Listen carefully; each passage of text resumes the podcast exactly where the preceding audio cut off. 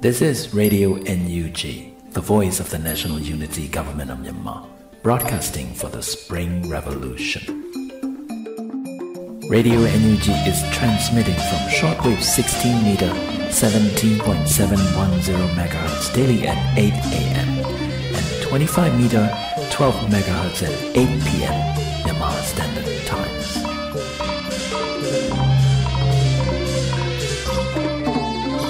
င်္ဂလာပါခင်ဗျာအမျိုးသားညီညွတ်ရေးအစိုးရရဲ့အသံလွှင့်ဌာန Radio NUG ကိုမနေ့၈နိုင်မှာ flight meter 16 meter 18.87 MHz ညဘက်မှာ flight meter 25 meter 12 MHz တို့မှာတိုက်ရိုက်ဖမ်းယူနားဆင်နိုင်ပါပြီမင်္ဂလာအပေါင်းနဲ့ပြည့်စုံကြပါစေခုချိန်ကစပြီး Radio NUG အစီအစဉ်လေးကိုဓာတ်ရိုက်အသံလွှင့်ပေးနေပါပြီ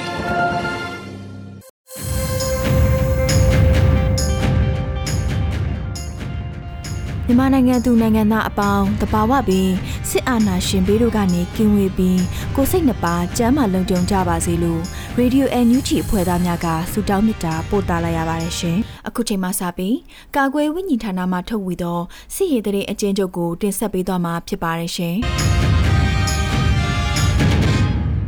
ကာကွယ်ရေးဝန်ကြီးဌာနမြို့သားညီညွတ်ရေးဆိုရမှထုတ်ဝေသောနေ့စဉ်စီရေးသတင်းချင်းချုပ်ကိုတင်ဆက်သွားမှာဖြစ်ပါတယ်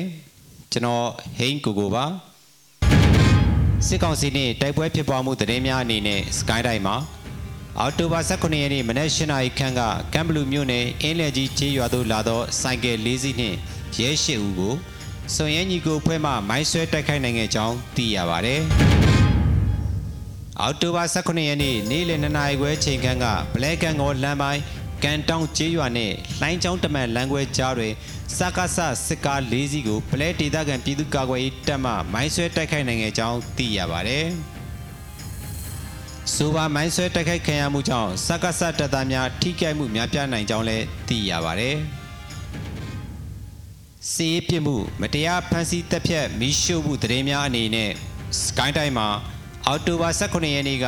ကျွန်းလာမြို့နယ်တဖန်းစိတ်ရွာရှိအပြစ်မဲ့ဒေသခံ9ဦးကိုစက္ကဆတပ်သားများမှလာရောက်ဖမ်းဆီးသွားကြောင်းသိရပါတယ်။အော်တိုဘာ16ရက်နေ့မနက်ပိုင်းကခင်ဦးမြို့နယ်တဲစုကျေးရွာရှိနေအိမ်တွင်အိပ်ပျော်နေသောဒေသခံကိုမျိုးဆွေကိုပြည်တော်ရွာသို့ဖမ်းဆီးခေါ်ဆောင်သွားခဲ့ပြီး16ရက်နေ့တရက်လုံးရိုက်နှက်စစ်ဆေးကည10နာရီခန့်ကပြင်းအောင်ရွာထိပ်တရားပေါ်တွင်ပြစ်တက်ခဲ့ကြောင်းသိရပါတယ်။အ ကွေးတိုင်းမှာအော်တိုဘာ16ရက်နေ့နေ့လယ်2နာရီခန့်ကဂံကောမြို့တွင်သို့ AC ကားများဖြင့်လှည့်လည်နေသောစက္ကဆတပ်သားများမှလမ်းဘေးရှိအပြစ်မဲ့ဒေသခံ10ဦးကိုဖမ်းဆီးချင်းချောက်ခဲ့ပြီး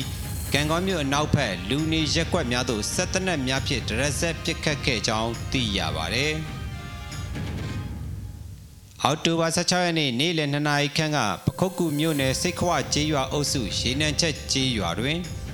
စကားစခန့်ရာအိမ်မှုမှကျေးရွာရှိတနိုင်းတစ်ပိုင်းလက်ရက်ရေနံတွင်လောက်ကင်နေသူများကိုဖွံ့ဖြိုးရေးရှံပုံငွေဟုပြောဆိုပြီးငွေကြေးကောက်ခံမှုများပြုလုပ်နေသောကြောင့်ကျေးရွာရှိအသေးစားရေနံရှာဖွေလောက်ကင်သူများအတွက်အခက်အခဲများစွာဖြစ်နေရကြောင်းသိရပါတယ်။အောက်တိုဘာ16ရက်နေ့ကမြိုင်မြို့နယ်တောင်ပိုင်းစုံရှိ ဝရင်းချိုင်ကျေးရွာနှင့်အိုင်မကျေးရွာများသို့စကားဆတပ်များဝင်ရောက်လာပြီးအပြစ်မဲ့ဒေသခံများပိုင်ဆိုင်သောပစ္စည်းများကိုဖျက်ဆီးခြင်းဝေကျေးနှင့်စားစရာများကိုခိုးယူခြင်းအပြင်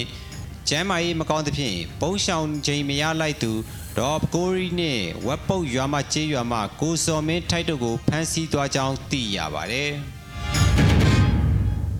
မန်လေးတိုင်းမှာအောက်တိုဘာ16ရက်နေ့ညပိုင်းကကြောက်ပတောင်းမြို့နယ်တာယာရေးရက်ကွက်ရှိအပြစ်မဲ့ဒေသခံအမျိုးသမီး2ဦးကိုစက္ကဆတပ်သားများမှတက်တွင်းသို့ဖမ်းဆီးခေါ်ဆောင်သွားခဲ့ကြောင်းသိရပါတယ်။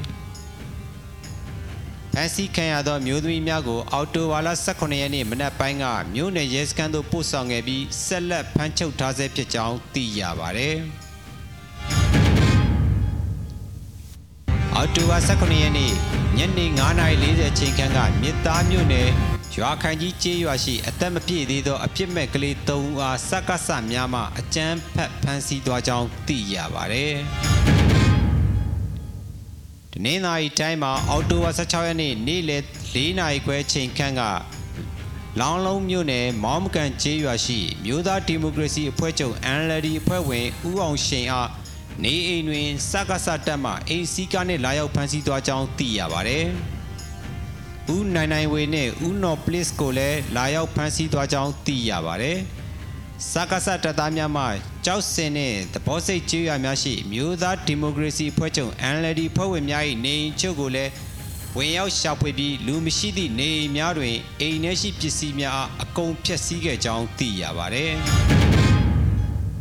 အေယာဝတီတိုင်းမှာအောက်တိုဘာ18ရက်နေ့မနက်3နာရီခန့်ကကျုံပျော်မြို့နယ်ရေစခန်းတိုက်နယ်တရက်3ပင်အုပ်စုကြားကွင်းလေးရွာတွင်နေထိုင်သောဒေတာခန်မောင်မင်းမင်းဆိုအားကျုံပျော်မြို့နယ်တရင်ခလာရ36မှာအရမဖမ်းဆီးခေါ်ဆောင်သွားကြောင်းသိရပါတယ်။ထွေထွေသတင်းများအနေနဲ့အောက်တိုဘာ18ရက်နေ့ကဝက်လက်မြို့နယ်ရုံးမင်ကျေးရွာရှိစက္ကစသတင်းပေးဟုဒေသခံများမှသတ်မှတ်ထားသော ဦးရဲထွန်းမှလမ်းများတွင်လှည့်လည်ကစက္ကစသတင်းပေးမဟုတ်ကြောင်းနှင့်မြည်သည့်အဖွဲ့အစည်းနှင့်များပတ်သက်မှုမရှိတော့ကြောင်းမိုက်ဖြစ်အော်ဟစ်ရှင်းလင်းပြခဲ့ကြောင်းသိရပါသည်အောက်တိုဘာ15ရက်နေ့ညပိုင်းကကတာမြို့နယ်မိုးသားကြီးကျေးရွာရှိမူရစ်စေဝါရောင်းဝယ်သူ6ဦးနှင့်အောက်တိုဘာ16ရက်နေ့မနက်ပိုင်းကမူရစေးရောင်းသူ2ဦးစုစုပေါင်း8ဦးကိုကချင်လွတ်မြောက်ရေးအဖွဲ့ KIA ဦးဆောင်သော ကတာပြည်သူ့ကာကွယ်ရေးတပ်နှင့်ကတာပြည်သူ့ကာကွယ်ရေးတပ်ဖွဲ့ပူးပေါင်းအဖွဲ့တို့မှဝင်ရောက်ရှာဖွေဖမ်းဆီးစဉ်ဗိမဲ1.5ဘိတ်တာနှင့်ဘိန်းပြူအမြောက်အများဖမ်းဆီးရမိခဲ့ကြောင်းသိရပါဗျ။ကချင်လွတ်မြောက်ရေးအဖွဲ့ KIA ဦးဆောင်သောပူးပေါင်းတပ်ဖွဲ့မှဖမ်းမိသူ၈ဦးကိုနောက်နောက်မူရစ်စေဝါလုံးဝမယောင်းဝယ်ရန်တတိပေးခဲ့ပြီးမူရစ်စေဝါများကိုမိရှုဖျက်ဆီးခဲ့ကြောင်းသိရပါတယ်။ဟုတ်ကဲ့ပါ ကုသတင်းများကိုမြေပြင်သတင်းတာဝန်ခံများနဲ့သတင်းဌာနများမှဖော်ပြလာသောအချက်လက်များပေါ်အခြေခံပြီးပြုစုထားတာဖြစ်ပါတယ်ခင်ဗျာ။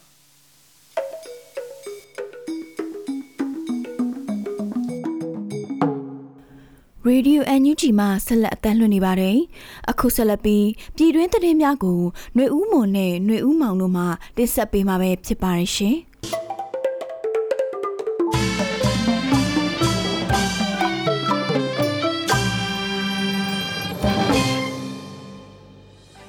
ယခုတင်ဆက်ပေးမှာကတော့အောက်တိုဘာ18ရက်နေ့ကပြည်တွင်းသတင်းများပဲဖြစ်ပါတယ်ကျွန်တော်ကတော့ຫນွေဦးမောင်ပါသတင်းကောင်းစင်တွေကတော့တောင်ကြီးမြို့တွင်ပြင်ပသွားလာသူပြန်များလာသဖြင့်ယောဂကူးစက်မှုနှုန်းဆက်လက်မြင့်တက်နေတဲ့တဲ့တင်။စာလူမန်အောင်နဲ့ပထန်ဒေသမှာကိုဗစ်လူနာ200ကျော်အထိရှိလာတဲ့တဲ့တင်။အိန္ဒိယကျပ်သွန်ဒီစိမြင့်တက်မှုကြောင့်ဘင်္ဂလားဒေ့ရှ်ကမြန်မာအပြင်နိုင်ငံအချို့မှတင်သွင်းမှုမြင့်တက်လာတဲ့တဲ့တင်။ တောင်ပြောက်တိုက်နယ်တွင်စစ်ပေးရှောင်း9000ခန့်ရှိနေပြီးရိတ်ခါနဲ့ဆေးဝါးများလိုအပ်နေတဲ့တဲ့တင်။ရဲမာပင်မြို့နယ်အောင်မိုးကျေးရွာမှရွာသား17ဦးကိုစစ်ကောင်စီကဖမ်းဆီးနှိပ်စက်စစ်ဆေးနေတဲ့တဲ့တင်တို့ပဲဖြစ်ပါတယ်။ယခုပထမအဦးဆုံးတင်ဆက်ပေးမယ့်သတင်းကတော့တောင်ကြီးမြို့တွင်ပြင်ပသွားလာသူပြန်များလာသဖြင့်ယောဂကူးစက်မှုနှုန်းဆက်လက်မြင့်တက်နေတဲ့သတင်းပဲဖြစ်ပါတယ်။ရှမ်းပြည်နယ်တောင်ကြီးမြို့တွင်အိမ်အပြင်ထွက်သွားလာသူရခိုင်ငါထက်ပိုများလာသောကြောင့် COVID-19 ယောဂကူးစက်မှုမှာဆက်လက်မြင့်တက်နေဆဲဖြစ်ကြောင်းတောင်ကြီးမြို့ရှိပရာဟိတအသင်းများထံမှသိရပါတယ်။လောလောဆယ်တော့မလျော့သေးဘူး။အခုလူတွေကအများကြီးအပြင်ပြထွက်လာတဲ့ mask တောင်မတက်ဘဲသွားလာတာတွေ့ရတယ်။အချို့လည်းမထွက်လို့မရတဲ့အခြေအနေတွေကြောင့်ထွက်တဲ့သူတွေလည်းရှိတယ်။အဲဒါတွေကြောင့်ကူးစက်မှုနှုန်းကမကျဘူးဖြစ်နေတယ်လို့ပရာဟိတလှုပ်ဆောင်သူတူကပြောပါတယ်။ပြီးခဲ့တဲ့အောက်တိုဘာ14ရက်နဲ့15ရက်အတွင်း ကိုဗစ်ကူးစက်ခံရသူ143ဦးအထိရှိကြောင်းမြို့နယ် COVID-19 ကာကွယ်ထိန်းချုပ်ကုသရေးကော်မတီကထုတ်ပြန်ထားပါတယ်။တောင်ကြီးမြို့နယ်မှာကိုဗစ်တတိယလိုင်းအတွင်းယောဂါကူးစက်ခံရသူမှာလက်ရှိအချိန်အထိ9528ဦးရှိပြီး246ဦးသေဆုံးခဲ့ပြီးဖြစ်ပါတယ်။ထိုစဉ်ရင်မှာစစ်ကောင်စီရဲ့ COVID-19 ယောဂါကာကွယ်ထိန်းချုပ်ကုသရေးကော်မတီထုတ်ပြန်သောအချက်အလက်သာဖြစ်ပြီးနေအိမ်တွင်ကိုပိုင်အစီအစဉ်ဖြင့်စေကူတာသူသေဆုံးသူစည်ရင်များမပါရှိပေ။ ဖျားပြီးအနက်မရတာကိုကိုကိုတီးတော့ဈေးဝယ်တောက်တယ်။အိမ်မှာပဲကူတာဈေးနိုင်သွားလို့လားမသိဘူး။အရန်ဆူဆူရွရွကြီးမဖြစ်ဘူး။အိမ်မှာရှိတဲ့လူ၃ယောက်လုံးအကုန်ဖျားအကုန်နှံ့ပြောက်သွားတယ်လို့တောင်ကြီးမြို့မှယောဂါကူးစက်ခံရသူပြည်သူတို့ကပြောပါတယ်။တောင်ကြီးမြို့အတွင်းယောဂါကူးစက်ခံရသူတိုးလာတဲ့အတွက်ပြီးခဲ့တဲ့ဇူလိုင်လမှာမြို့ကိုလော့ဒေါင်းချထားခဲ့ပါတယ်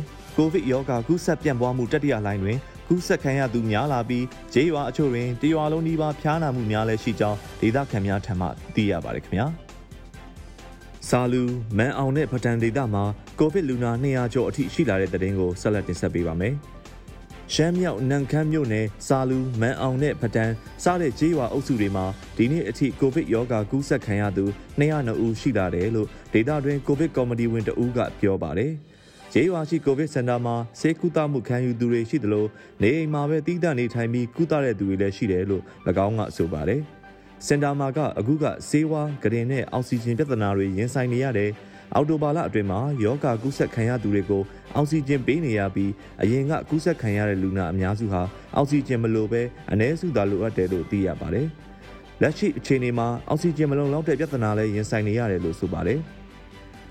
ကျွန်တော်တို့ကလူနာလိုအပ်တဲ့ဟာတွေကိုအပြည့်အဝမဖြည့်ဆည်းပေးနိုင်ဘူး။ဈေးဝါးလည်းအလုံးအလောက်မရှိဘူး။ဈေးတွေလည်းဈေးကြီးတော့အချို့ဈေးတွေကလူနာတွေကိုယ်တိုင်ဝယ်ရတာမျိုးလည်းရှိတယ်။ပြီးတော့အောက်ဆီဂျင်ကမူဆယ်အထိသွားဖြည့်ရတယ်။တဘူးဆို1000လောက်ပေးရတယ်လို့၎င်းကအဆက်ပြောပါတယ်။ဂျေးရွာတွင်ဖွင့်လှစ်ထားတဲ့ကိုဗစ်စင်တာမှာဆေးဝါးမလုံလောက်တာကြောင့်လူနာအချို့မြို့ပေါ်ရှိပြည်သူစေယုံတို့တွားရောက်ကူးသမှုခံယူသူတွေလည်းရှိပါတယ်။ စာလူမန်အောင်နဲ့ဗတန်အုပ်စုတွေမှာစက်တင်ဘာနဲ့ဒီလအတွင်းမှာကိုဗစ်ကာကွယ်ဆေးထိုးနှံတာတွေရှိခဲ့ပေမဲ့ကူးစက်မှုရှိနေဆဲဖြစ်ပါတယ်။ကိုဗစ်ရောဂါကူးစက်ပြန့်ပွားမှုတတိယလိုင်းမှာနန်ခမ်းမြို့နယ်အတွင်းကူးစက်ခံရသူတွေများလာပြီးတောင်ပေါ်ကျေးရွာတွေမှာရွာလုံးကျွတ်ဖျားနာမှုတွေလည်းရှိနေပါတယ်ခင်ဗျာ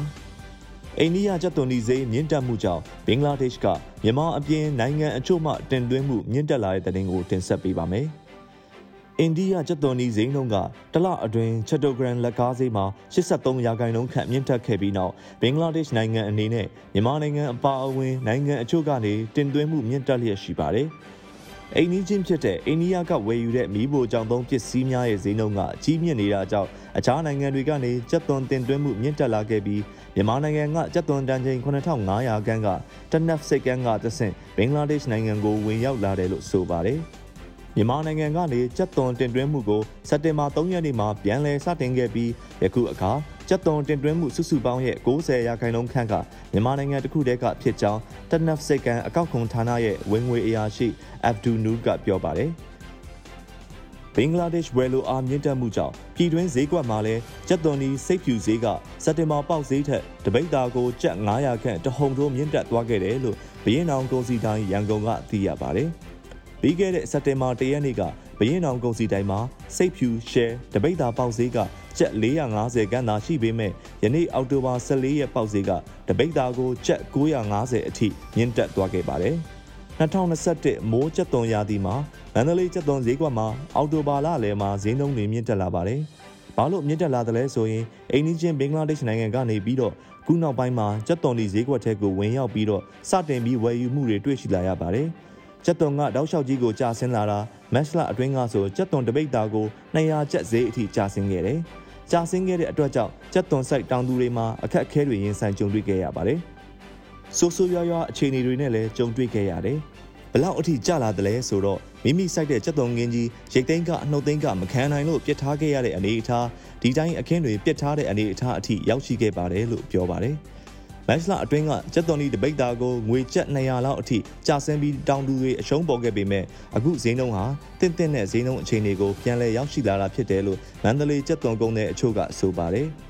လက်ရှိမှာအိန္ဒိယရဲ့မြင့်တက်နေတဲ့ကျက်သွန်ဈေးကြောင့်သူ့စီကအမိခိုနေရတဲ့ဘင်္ဂလားဒေ့ရှ်အပါအဝင်အိန္ဒိယနိုင်ငံတွေအနေနဲ့ကျက်သွန်ဒီရှားပါမှုကိုတွေ့ကြုံနေရတာကြောင့်ဒီပြဿနာကိုဖြေရှင်းဖို့မြန်မာနိုင်ငံထံကကျက်သွန်တင်သွင်းမှုမြင့်တက်နေအောင်မယ်လို့ကုန်တဲ့အချို့ကသုံးသပ်ထားကြပါတယ်။ အခုတပိတ်သား850 900ကျပ်ဈေးကတော့ဝယ်သူရောရောင်းသူရောနှစ်ဖက်အမျှတာတယ်ကျက်သွန်ဆိုင်တောင်သူတွေအနေနဲ့ကလည်းဒီလောက်ဆိုတင့်တင့်မျှတာတဲ့အမျက်ကိုရရှိတယ်ကျက်သွန်ဈေးကဥပမာ1000တို့1500တို့2000တို့ဟိုနှစ်တွေကလည်းဖြစ်ဖူးတယ်ဖြစ်လိုက်ရင်တော့နေတိုင်းစားသုံးနေတဲ့အိရှင်မတွေအတွက်အခက်အခဲရှိနိုင်တယ်လို့ဆိုပါတယ် ဘင်္ဂလားဒေ့ရှ်နဲ့တီးလင်္ကာနိုင်ငံတွေကအိန္ဒိယကကြက်သွန်ဝယ်ယူလေးရှိပြီး2021ခုနှစ်မှာအိန္ဒိယကစိုက်ပျိုးဧကနေပါပြီးရာသီဥတုဖောက်ပြန်ခဲ့တာကြောင့်မြန်မာနိုင်ငံကကြက်သွန်ရသလောက်ဝယ်ယူလာနိုင်တယ်လို့ကုန်သည်အချို့ကခံမှန်းကြပါတယ်။ယခုဆက်လက်ပြီးကြန့်ရှိသတင်းများကိုမတ်ຫນွေဦးမှမှတင်ဆက်ပေးပါမယ်ခင်ဗျာ။ကျွန်တော်ကတော့ຫນွေဦးမောင်ပါ။ဟုတ်ကဲ့ပါຫນွေဦးမောင်ရေခုဆက်လက်ပြီးတင်ဆက်ပေးခြင်းတဲ့သတင်းကတော့တောင်ပြောက်တိုက်နယ်မှာစစ်ဘေးရှောင်9000ခန့်ရှိနေပြီး ရိတ်ခါနဲ့စေဝါများလိုအပ်နေတဲ့ဆိုတဲ့သတင်းပဲဖြစ်ပါတယ်။ဒဝဲခရိုင်တရချောင်းမြို့နယ်တောင်ပြောက်တိုက်နယ်အတွင်းမှာစစ်ဘေးရှောင်ပြည်သူ9000ခန့်ရှိနေပြီး၎င်းတို့အတွက်စားနပ်ရိက္ခာနဲ့စေဝါများအရေးတကြီးလိုအပ်နေတယ်လို့သိရပါတယ်။တောင်ပြောက်တိုက်နယ်အတွင်းမှာရှိတဲ့ရေပြက်မေကဲကြောက်အိုင်ဝင်းကဘောကျွဲကြံလဲစုရေဘူးမြက်ဝီသားတောင်ပြောက်ကျေးရွာစသဖြင့်ကျေးရွာပေါင်း9ရွာမှဒေသခံရွာသား9000ခန့်ဟာ စစ်ဘေးတိတ်ရှောင်နေရပြီးစားနပ်ရိက္ခာနဲ့စေဝါများကိုစစ်ကောင်စီတပ်ဖက်က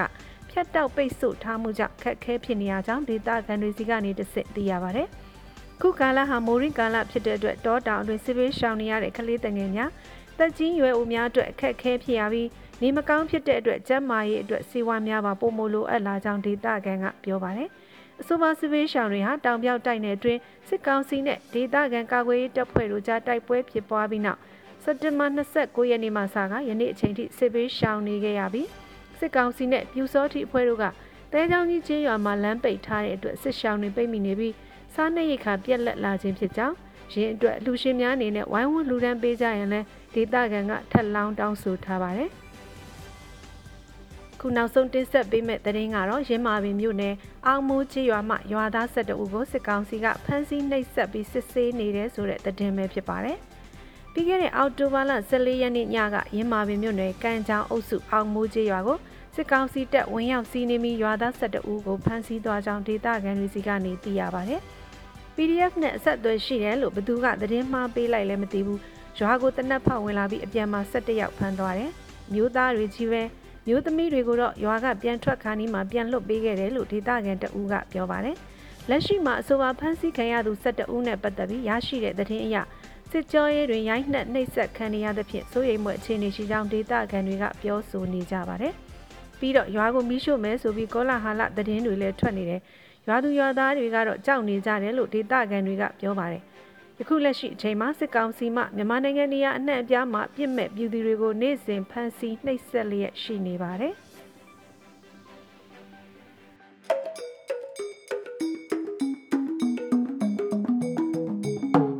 Radio NUG မှာဆက်လက်အတန်းလွှင့်နေပါတယ်။အခုဆက်လက်ပြီးပြည်သူတိုက်ပွဲသတင်းများကိုຫນွေဦးလွင်မှတင်ဆက်ပေးမှာပဲဖြစ်ပါတယ်ရှင်။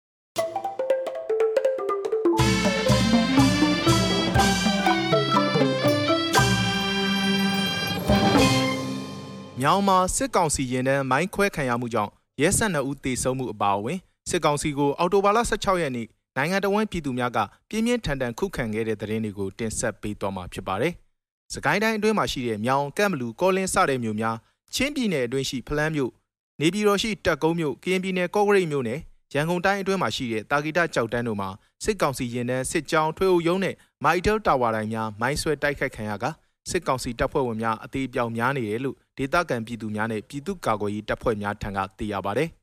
။စကိုင်းတိုင်းကမ်ဘလူမြို့တရင်ကမ်ဘလူမြို့အတွင်းရှိကမ်ဘလူနဲ့စပယ်နသာကြားနဲ့ရေရှင်ကြီးရွာကြားနှောပင်ရွာကြားတို့မှာ အကြမ်းဖက်စစ်ကောင်စီစစ်ကား32စီးပါရင်နှန်းကိုကမ်ဘလူ PDF ကအော်တိုဘာလ16ရက်နေ့မှာနှစ်ကြိမ်တိုင်တိုင်မိုင်းခွဲတိုက်ခိုက်ခဲ့တာကြောင့်အကြမ်းဖက်စစ်ကောင်စီတပ်ဖွဲ့ဝင်များအထိကိတ်သေးဆုံးမှုများနေပေမဲ့အရေးအတွက်အတိအကျမသိရှိရသေးဘူးလို့သိရပါတယ်။စကိုင်းတိုင်းမြောင်မြို့တရင်မှာမြောင်မြို့အတွင်းမှာရှိတဲ့ကင်တယ်လန်ခွဲကမြောင်မြို့ပေါ်ကိုခြိတက်လာတဲ့အကြမ်းဖက်စစ်ကောင်စီစစ်ကား၃စီးကိုမြောင် PDF မဟာမိတ်၃ဘွဲကအော်တိုဘာလ16ရက်နေ့မနက်9:45မိနစ်ကဘုံခွဲတိုက်ခိုက်ခဲ့တာကြောင့် စစ်ကားနှစ်စီးပျက်စီးခဲ့ပြီးထိခိုက်ဒေဆုံးမှုအခြေအနေကိုအတိမပြုနိုင်သေးဘူးလို့မြောင် PDF မဟာမိတ်အဖွဲ့များထံကသိရပါဗျ။ဒါအပြင်မြောင်မြို့နယ်ဘုံမင်းကြီးကင်းကျေးရွာနဲ့ကျော်မင်းကျေးရွာကြားမှာအော်တိုဘာလ16ရက်နေ့မနက်9:45ခန်းကရဲချုပ်ရင်တန်းကိုပြည်သူ့ကာကွယ်ရေးနဲ့လုံခြုံရေးအဖွဲ့မဟာမိတ်73ဘွဲ့ကမိုင်းခွဲတိုက်ခိုက်ခဲ့ပြီးအထူးရဲ12ဦးသေဆုံးခဲ့တယ်လို့မြင်းမှုလျက်စီးပျောက်ကြားအဖွဲ့ထံကသိရပါဗျ။စကိုင်းတိုင်းကောလင်းမြို့ကောလင်းမြို့ကနောက်ဘက်ကိုစစ်ကြောင်းချီလာတဲ့အကြမ်းဖက်စစ်ကောင်စီအင်အား100ခန့်ကို ဒေသခံပြည်သူ့ကာကွယ်ရေးတပ်ဖွဲ့တွေကအော်တိုဘာလ16ရက်နေ့မှာမိုင်းခွဲတိုက်ခိုက်ခဲ့ကထိခိုက်ဒေဆုံးမှုအခြေအနေကိုအတိမပြုနိုင်သေးဘူးလို့ဒေသခံပြည်သူ့ကာကွယ်ရေးတပ်ဖွဲ့များထံကသိရပါဗျ။ချင်းပြည်နယ်ဖလန်းမြို့ချင်းပြည်နယ်ဖလန်းမြို့ကဟာခါကိုထွက်လာတဲ့အကြမ်းဖက်စစ်ကောင်စီရင်နှံကိုအော်တိုဘာလ16ရက်နေ့ကလုံပြီးကျေးရွာနီးမှာချင်းပူပေါင်းတပ်ဖွဲ့များကတိုက်ခိုက်ခဲ့တာကြောင့်အကြမ်းဖက်စစ်ကောင်စီတပ်ဖွဲ့ဝင်အများအပြားသေဆုံးက15ဦးထိခိုက်ဒဏ်ရာရရှိပြီးကား9စီးပျက်စီးခဲ့တယ်လို့သိရပါတယ်။ကရင်ပြည်နယ်ကော့ဂရိတ်မြို့ ကရင်ပြည်နယ်ကော့ဂရိတ်မြို့အာရှလမ်းမအနီးမှာရှိတဲ့အန်ဂလိုကျေးရွာနဲ့ရွာသေးကျေးရွာအနီးမှာ KNL တပ်မဟာ6တပ်ရင်း18ခွဲထွက် DKBA Eagle Bridge ပူးပေါင်းတပ်ဖွဲ့နဲ့ကျန်းဘက်စစ်ကောင်စီတပ်ဖွဲ့တို့ကြားအော်တိုဘာ16ရက်နေ့မနက်၈နာရီခန့်ကစတင်ကတိုက်ပွဲဖြစ်ပွားခဲ့ပြီးအကျန်းဘက်စစ်ကောင်စီတပ်ဖွဲ့ရဲ့စကခ73လက်အောက်ခံခမာရ956 960တပ်ရင်းများကအင်အားတရာကျော်နဲ့ထိုးစစ်ဆင်တိုက်ခိုက်တာကြောင့်တိုက်ပွဲဖြစ်ပွားခဲ့ပြီးစစ်ကောင်စီတပ်ဖွဲ့ဝင်သေဆုံးသူအရေအတွက်အတိအကျမသိရသေးပါဘူး။နေပြည်တော်တပ်ကုန်းမြို့ နေပြည်တော်တပ်ကုန်းမြို့ထွေအုပ်ရုံးကိုပြန်လွှားမျိုးပြပျောက်ကြားတပ်ဖွဲ့ကအော်တိုဘာလ16ရက်နေ့ညနေ6နာရီခန့်ကသတိပေးဘုံခွဲတိုက်ခိုက်ခဲ့တယ်လို့အဆိုပါအဖွဲ့ထံကသိရပါတယ်။ဒီလိုပောက်ကွဲတိုက်ခိုက်ခံရပြီးအကြမ်းဖက်စစ်ကောင်စီတပ်ဖွဲ့ဝင်များရောက်ရှိလာကနေရာအနှံ့စစ်ဆေးမှုတွေပြုလုပ်နေပြီးထိခိုက်ဒေဆုံးမှုရှိမရှိကိုတော့မသိရှိရသေးဘူးလို့ဒေသခံပြည်သူများရဲ့ပြောဆိုချက်အရသိရပါတယ်။ရန်ကုန်တိုင်းကြောက်တန်းမြို့နယ် ကြောက်တန်းမြို့နယ်ပြည်သူ့ကာကွယ်ရေးတပ်ဖွဲ့ KPDF နဲ့သုံးခွမြို့နယ်ပြည်သူ့ကာကွယ်ရေးတပ်ဖွဲ့ TYF တို့ပူးပေါင်းကအော်တိုဘာလ16ရက်နေ့မှာကြောက်တန်းမြို့တာဘာကျေးရွာရှိအကြမ်းဖက်စစ်ကောင်းဆောင်မင်းအောင်လှိုင်မိသားစုပိုင်ဆိုင်တဲ့ Mitel Tower တိုင်းကိုဖောက်ခွဲပျက်စီးခဲ့ကြောင်းအဆိုပါအဖွဲ့များထံကသိရပါတယ်။ရန်ကုန်တိုင်းလှိုင်သာယာရန်ကုန်တိုင်းလှိုင်သာယာမြို့နယ်အမှတ်18ရပ်ကွက်ရွှေရည်လန်းရှိစစ်ကောင်စီခန့်ရပ်ကွက်အုပ်ချုပ်ရေးမှူးနေအိမ်ကိုအော်တိုဘာလ16ရက်နေ့မွန်းလွဲ2:25မိနစ်ဝန်းကျင်အချိန်ကဘုံပစ်ခတ်ခံရတယ်လို့သိရပါတယ် အဆိုပါဘုံပစ်ခတ်ခံရတဲ့စစ်ကောင်စီခန့်အုပ်ချုပ်ရေးမှူးဟာအမှတ်18ရပ်ကွက်မောင်မောင်ဆိုသူရဲ့နေအိမ်ဖြစ်ကြောင်းသိရပြီးလူထိခိုက်မှုမရှိပေမဲ့၎င်းပိုင်ဆိုင်တဲ့ကားပျက်စီးသွားတယ်လို့သိရပါတယ်။နောက်ဆုံးအနေနဲ့အမျိုးသားညီညွတ်ရေးအစိုးရပြည်ထရေးနဲ့လူဝင်မှုကြီးကြပ်ရေးဝန်ကြီးဌာနကထုတ်ပြန်တဲ့အော်တိုဘာလ16ရက်နေ့ပြည်သူ့ခုခံတော်လှန်စစ်တရင်အချက်လက်တွေကိုတင်ဆက်ပေးမှာပါ။အာနာသိန်းအကြမ်းဖက်စစ်အုပ်စုရဲ့ပြည်သူလူထုအပေါ်အကြမ်းဖက်ဖိနှိပ်တိုက်ခိုက်တပ်ဖြတ်နေမှုများကိုပြည်သူလူထုတရက်လုံးကအသက်ရှင်တန်ရေးအတွက်မိမိကိုယ်ကိုမိမိခုခံကာကွယ်ပိုင်ခွင့်အရာ ပြည်သူခုခံစစ် People's Defenses War ကိုဆင်နွှဲလျက်ရှိပါတယ်။တရင်ချက်လက်များအရ16ရက်10လ2021ရက်နေ့မှာရန်သူစစ်ရေးပြစ်မှတ်73နေရာအုပ်ချုပ်ရေးပြစ်မှတ်22နေရာနဲ့စီးပွားရေးပြစ်မှတ်9နေရာတို့ကိုခုခံတိုက်ခိုက်နိုင်ခဲ့ပါတယ်။ဆီယနာရှင်စနစ်မြမမြေပေါ်ကအပိတိုင်ချုပ်ငင်းရေးနဲ့ Federal Democracy တိဆောက်ရေးအတွက်ငြိမ်းချမ်းစွာဆန္ဒပြတဲ့လူထုတပိတ်တိုက်ပွဲများဟာလည်းပြည်내နဲ့တိုင်းဒေသကြီးများမှာဖြစ်ပွားပေါ်ပေါက်တဲ့ရှိပါတယ်။မြေပြင်မှာယခုတွေ့ရတဲ့အချက်အလက်များထက်ပိုမိုဖြစ်ပွားနိုင်ပါတယ်ခင်ဗျာ။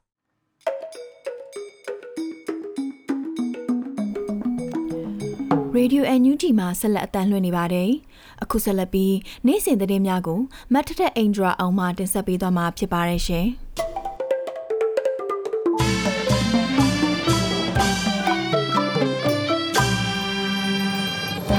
အခုပထမအဆုံးအနေနဲ့အမျိုးသားညီညွတ်ရေးအစိုးရကဂျားကာလာအခြေခံပညာရေးစစ်ဆေးအကဲဖြတ်ခြင်းဆိုင်ရာထုတ်ပြန်ချက်ထုတ်ပြန်ခဲ့တဲ့သတင်းကိုတင်ဆက်ပေးပါမယ်။အမျိုးသားညီညွတ်ရေးအစိုးရက နိုင်ငံတော်အဆင့်တက္ကသိုလ်ဝင်စာမေးပွဲတွေကိုကျင်းပပေးနိုင်တဲ့အခြေအနေရောက်ရှိပါကကျင်းပပေးသွားမှာဖြစ်တယ်လို့အောက်တိုဘာ15ရက်နေ့ကထုတ်ပြန်တဲ့ဂျာကာလာအခြေခံပညာရေးစစ်ဆေးအကဲဖြတ်ခြင်းဆိုင်ရာထုတ်ပြန်ချက်မှာဖော်ပြထားပါတယ်။အခြေခံပညာအစဉ်တင် जा တင်ယူရေးအတွက်ပုံစံအမျိုးမျိုးနဲ့ဆောင်ရွက်နေကြတဲ့မိဘအုပ်ထိန်းသူတွေ ကျောင်းဆရာဆရာမတွေကျောင်းသူကျောင်းသားတွေရဲ့တင်ယူတက်မြောက်မှုကိုစနစ်တကျနဲ့လွယ်ကူစွာစစ်ဆေးအကဲဖြတ်နိုင်ရေးအထောက်အကူပြုနိုင်ဖို့ရည်ရွယ်ပြီးတော့အမျိုးသားညီညွတ်ရေးအစိုးရပညာရေးဝန်ကြီးဌာနကထုတ်ပြန်ထားတာပါမိဘအထင်းသူတွေနဲ့ဆရာဆရာမတွေအနေနဲ့အခုနှစ်စနစ်သစ် သူငယ်တန်း KG တန်းကနေဒသမရန်အထိကျောင်းသားကျောင်းသူတွေရဲ့တင်ယူမှုကိုတင်ယူစဉ်စစ်ဆေးအကဲဖြတ်ခြင်းကိုအဓိကထားအသုံးပြုပြီးတင်ယူမှုတွေကိုစင်စက်မပြတ်စစ်ဆေးအကဲဖြတ်ပြီးတော့တွတ်တက်ကောင်းမွန်အောင်ပံ့ပိုးပေးဖို့တိုက်တွန်းတယ်လို့ထုတ်ပြန်ချက်မှာဖော်ပြထားပါတယ်။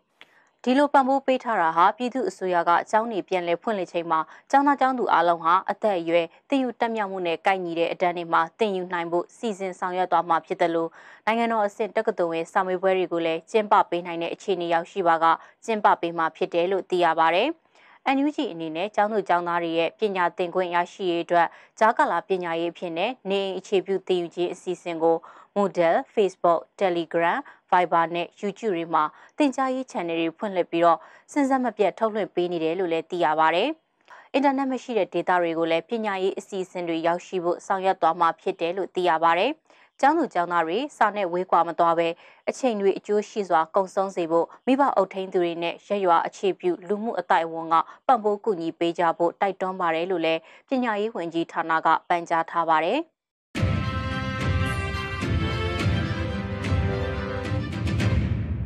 ဆက်လက်ပြီးတော့ NCA လက်မှတ်ထိုးထားတဲ့အဖွဲ့ရှစ်ဖွဲ့ရဲ့စေအုပ်စုနဲ့ပူးပေါင်းဆောင်ရွက်မှုအပေါ် GSCB ကပြင်းထန်စွာကန့်ကွက်လိုက်တဲ့သတင်းကိုတင်ဆက်ပေးကြပါမယ်။ NCA လက်မှတ်ထိုးထားတဲ့စေဘွဲအနက်အဖွဲ့ရှစ်ဖွဲ့ဟာစေအုပ်စုကျင်းပတဲ့ NCA 6နှစ်ပြည့်ပွဲကိုတက်ရောက်ခဲ့မှုကိုအထွေထွေတပိတ်ပေါင်းဆက်ညီနိုင်ရေးအင်အားစု GSCB ကပြင်းထန်စွာကန့်ကွက်တယ်လို့သတင်းထုတ်ပြန်ခဲ့ပါတယ်။ 2021ခုနှစ်နွေဦးတော်လှန်ရေးဟာပြည်သူတရက်လုံးပါဝင်နေကြပြီးတော့အနာဂတ်မျိုးဆက်သစ်လူငယ်တွေကရှေ့ဆုံးမှာအသက်ဆွန့်တိုက်ပွဲဝင်နေကြတဲ့ဆရာနာရှင်အမြင့်ဖြတ်တော်လှန်ရေးဖြစ်ပါတယ်။ဒီဒီလိုအခြေအနေမှာ NCA 6နှစ်ပြည့်ပွဲကိုတက်ရောက်ခဲ့ကြတဲ့အဖွဲ့တွေအနေနဲ့သူတို့ကိုယ်တိုင်ထုတ်ပြန်ခဲ့တဲ့ကြေညာချက်တွေကိုပြန်လည်ဆင်ခြင်စဉ်းစားဖို့တိုက်တွန်းထားပါတယ်။ 2021ခုနှစ်ဖေဖော်ဝါရီ20ရက်က PPSD အထူးအစည်းအဝေးထုတ်ပြန်ကြေညာချက်မှာဗုဒ္ဓဘောတူညီချက်တွေဖြစ်တဲ့ဆရာနာရှင်နဲ့ဆရာနာသိန်းနာကိုစန့်ကျင်တဲ့ CDN အပါအဝင်လူထုလှုပ်ရှားမှုတွေအားလုံးကိုအပြည့်အဝထောက်ခံပြီးဒီလှုပ်ရှားမှုတွေနဲ့ပတ်သက်တဲ့လိုအပ်တဲ့ပံ့ပိုးမှုတွေအတွက်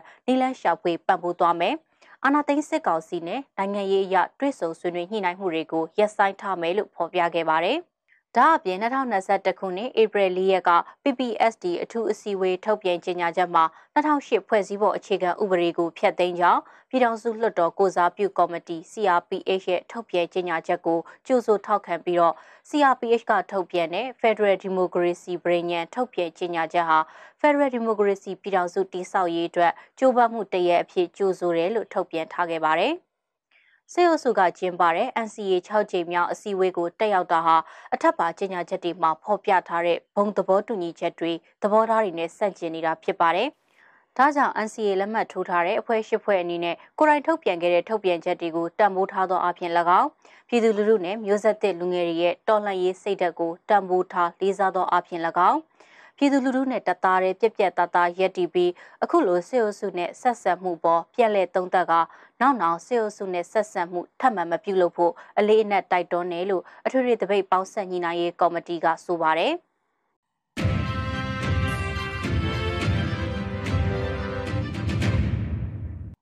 ဆက်လက်ပြီးတော့အကြမ်းဖက်စစ်ကောင်စီရဲ့ထိုးစစ်တွေကြောင့်ချင်းပြည်နယ်မြောက်ပိုင်းမှာဒေသခံပြည်သူ၄000နီးပါးစစ်ဘေးရှောင်နေရတဲ့တရင်ကိုတင်ဆက်ပေးပါမယ်။ အာနာသိန်းစစ်ကောင်စီရဲ့ထိုးစစ်ကြောင့်ချင်းပြည်နယ်မြောက်ပိုင်းဖလန်မြို့မှာဒေသခံ4000နီးပါးစစ်ဘေးတိမ်းရှောင်နေရပြီးတော့ကြေးရွာတချို့မှာခရီးရန်ဖျားကြောင်းနဲ့နေအိမ်တွေမိရှို့ခံခဲ့ရတယ်လို့ချင်းဒေသခံတအုပ်ကပြောပါတယ်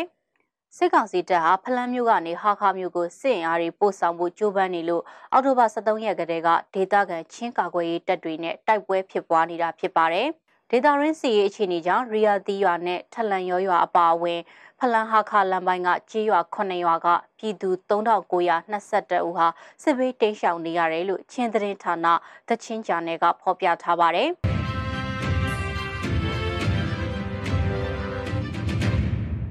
ဆက်လက်ပြီးမြန်မာနိုင်ငံအရေးနဲ့အင်ဒိုပစိဖိတ်ဒေသနဲ့ပတ်သက်တဲ့စိန်ခေါ်မှုတွေကိစ္စဆွေးနွေးဖို့အမေရိကန်ရဲ့ကိုယ်စားလှယ်အဖွဲ့ဂျပန်နဲ့အရှေ့တောင်အာရှနိုင်ငံတွေစီလာရောက်မဲ့တဲ့တင်ကိုတင်ဆက်ပေးပါမယ်။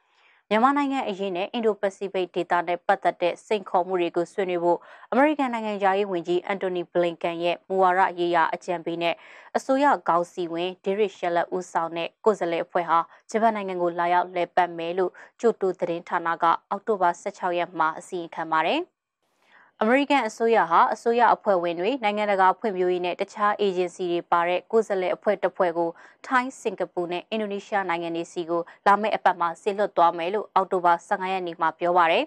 ကိုယ်စားလှယ်အဖွဲ့ဟာအောက်တိုဘာ18ရက်ကနေပြီးတော့22ရက်နေ့ထိကြာမဲ့အရှိတောင်အာရှခီးစဉ်အတွင်းအရာရှိတွေဟာအမေရိကန်နဲ့မဟာမိတ်မိတ်ဖက်တွေနဲ့ပူးပေါင်းဆောင်ရွက်ရေးတိုးချဲ့ဖို့ ဒေသရင်းတည်ငြိမ်မှုအရေးမှာအရှိတောင်အာရှနိုင်ငံများအသင်းအာဆီယံရဲ့အခမ်းကဏ္ဍကိုအားဖြည့်ဖို့ကြိုးစားကြမှာလည်းဖြစ်ပါတယ်။မြန်မာနိုင်ငံအတွင်းအခြေအနေတွေနဲ့ပတ်သက်လို့အမေရိကန်ကပေးထားတဲ့ကတိကိုလည်းထပ်လောင်းအတည်ပြုခဲ့ပါတယ်။မြန်မာနိုင်ငံအတွင်းအကြမ်းဖက်မှုရက်စဲဖို့နိုင်ငံရေးအကျဉ်းသားတွေကိုပြန်လွှတ်ပေးဖို့နဲ့မြန်မာနိုင်ငံကိုဒီမိုကရေစီလမ်းကြောင်းပေါ်ပြန်တင်ပေးဖို့အာဏာသိမ်းစစ်ကောင်စီကိုဖိအားပေးဖို့အရေးပေါ်တာဝန်ရှိနေတယ်လို့လည်းအိန္ဒိယနိုင်ငံတွေနဲ့နိုင်ငံတကာအဖွဲ့အစည်းတွေကိုထင်ရှားအောင်ပြောခဲ့ပါတယ်။ ရှဲလက်နယ်အဖွဲ့ဟာထိုင်းနိုင်ငံမှာမြန်မာအတွက်လူသားချင်းစာနာမှုအကူအညီတွေနေဆက်ဖြတ်ကျော်ပံ့ပိုးရေးပူးပေါင်းဆောင်ရွက်ဖို့ဆွေးနွေးမှာပါ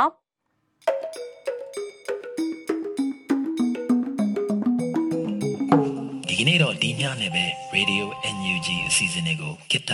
ရန်နာလိုက်ပါမယ်မြန်မာစံတော်ချိန်မနေ့၈နာရီညနေ၈နာရီတို့မှာပြန်လည်တွေ့ဆုံကြပါစို့ Radio NUG ကိုမနေ့၈နာရီမှာ လိုင်းဒိုမီတာ16မီတာ19.87 MHz ညဘက်မှာလိုင်းဒိုမီတာ25မီတာ